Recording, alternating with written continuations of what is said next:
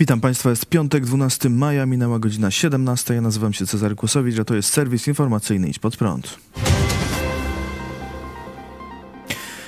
Dowódca operacyjny rodzajów sił zbrojnych, generał broni Tomasz Piotrowski zabrał głos po tym, jak wczoraj minister obrony Mariusz Błaszczak stwierdził, że to właśnie generał jest winny zaniedbań w sprawie szczątków prawdopodobnie rosyjskiej rakiety znalezionych pod Bydgoszczą. Minister oskarżył generała o to, że ten nie przekazał mu informacji e, o e, naruszeniu przestrzeni powietrznej Polski. Generał, mówiąc z miejsca kierowania manewrami Anaconda 2023, odniósł się do, jak to nazwał, burzy medialnej. Podkreślił, że wypowiada się w czasie trwających za naszą granicą wojny.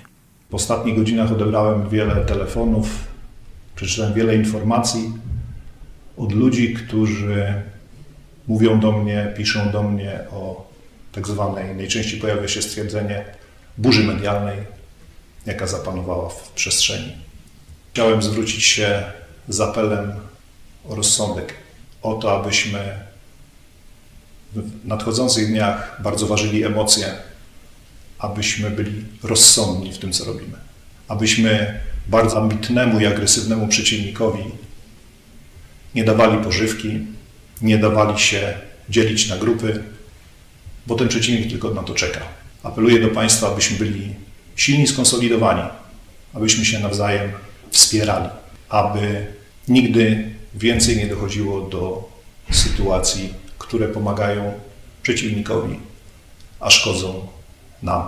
Wierzę głęboko, że żyjemy w państwie, które jest silne i sprawiedliwe Wierzę też głęboko we wszystkich rodaków, że jesteśmy w tej chwili w stanie pokazać przy nadchodzącym zagrożeniu ze wschodu, że jesteśmy świadomi, że żyjemy w kraju demokratycznym, że wiemy, co to jest wymiar sprawiedliwości i że nie ulegniemy złym emocjom.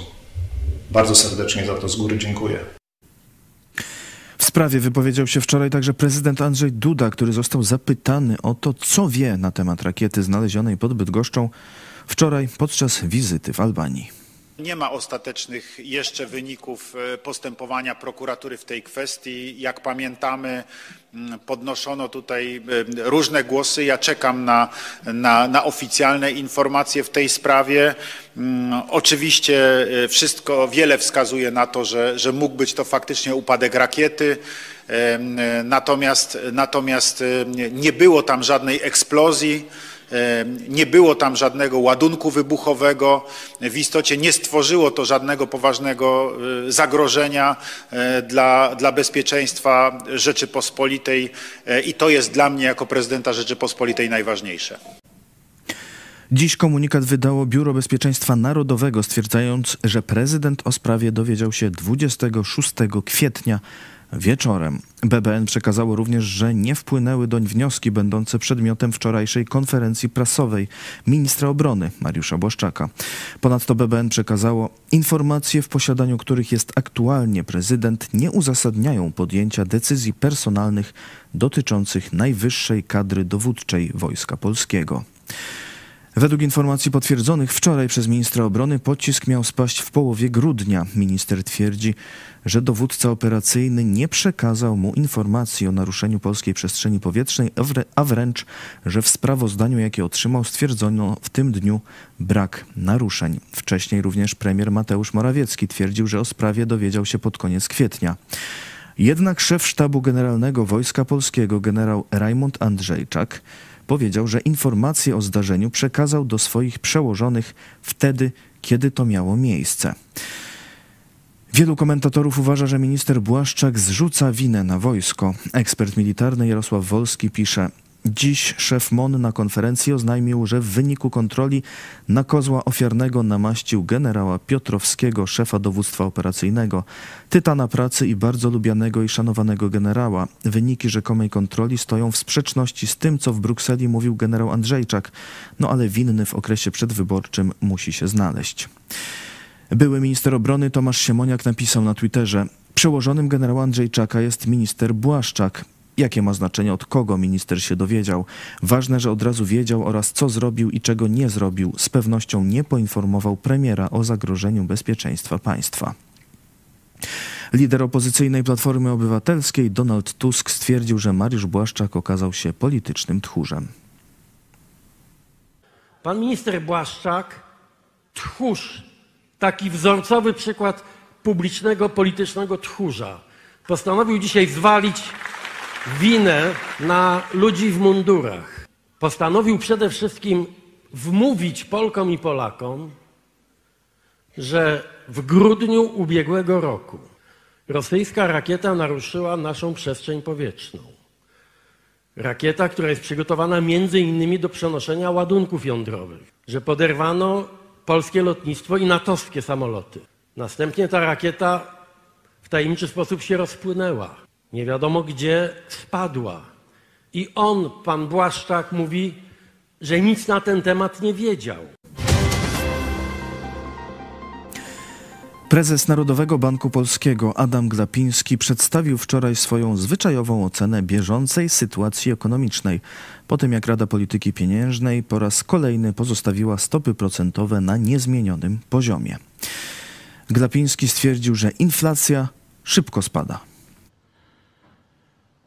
Jak Państwo wiedzą, inflacja na świecie, a także w Polsce spada. Spada w Polsce bardzo szybko. To określenie na łeb na szyję, którym się kiedyś posłużyłem, polskie, w całej rozciągłości ma miejsce. Skończył się płaskowy, zaczął się ruch w dół. Aż dojdziemy z inflacją do celu, mam nadzieję. Czyli wszystkie okoliczności, które się da przewidzieć, będą takie, jak przewidujemy. Proces obniżania się inflacji jest stopniowy, ale szybki. Jest stopniowy ze względu na siłę wcześniejszych szoków i na wtórne efekty tych szoków, które w tej chwili podbijają inflację. Przede wszystkim polityka cenowa przedsiębiorstw, polityka marsz, płace. No to są te elementy, które e, po tych pierwszych szokach podtrzymują inflację. Tak jest na całym świecie i tak jest u nas. Szef NBP powiedział też, że nie ma sensu porównywania inflacji w Polsce do tej w bogatszych krajach Europy Zachodniej, bo koszyki konsumpcji są zupełnie inne i w bogatych państwach żywność i energia stanowią nieduży procent wydatków.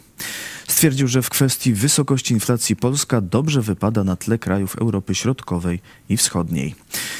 Glapiński nie wykluczył, że stopy procentowe mogą być jeszcze podniesione. Nie podjęliśmy decyzji o zakończeniu cyklu podwyżek stóp procentowych. W ogóle nie było takiej dyskusji. Jeśli inflacja będzie się wyrywać do góry z korytarza, który przewidujemy, to jesteśmy gotowi do reakcji, powiedział przewodniczący Rady Polityki Pieniężnej.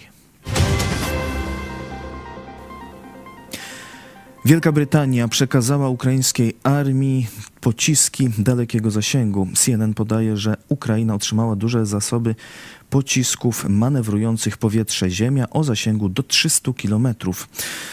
Storm Shadow. Rząd Wielkiej Brytanii jako pierwszy spełnił więc prośbę Kijowa, który od początku wojny zwracał się do państw Zachodu o taką broń. Portal Politico podał, że Brytyjczycy postawili Ukrainie warunek co do dostarczonych rakiet. Mianowicie Ukraińcy musieli zobowiązać się, że pociski będą użyte wyłącznie do ostrzeliwania wroga na okupowanych terytoriach ukraińskich, a nie na obszarze Rosji.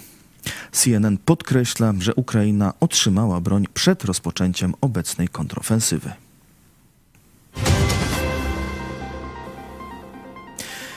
Syn Jimmy'ego Laja, potentata medialnego i działacza prowolnościowego więzionego w Hongkongu, skrytykował rząd Wielkiej Brytanii i Watykan za brak odpowiedniego wsparcia. Sebastian Lai, który podobnie jak jego ojciec ma brytyjskie obywatelstwo, potępił władze w Londynie, stwierdzając, że okazały się niewiarygodnie słabe.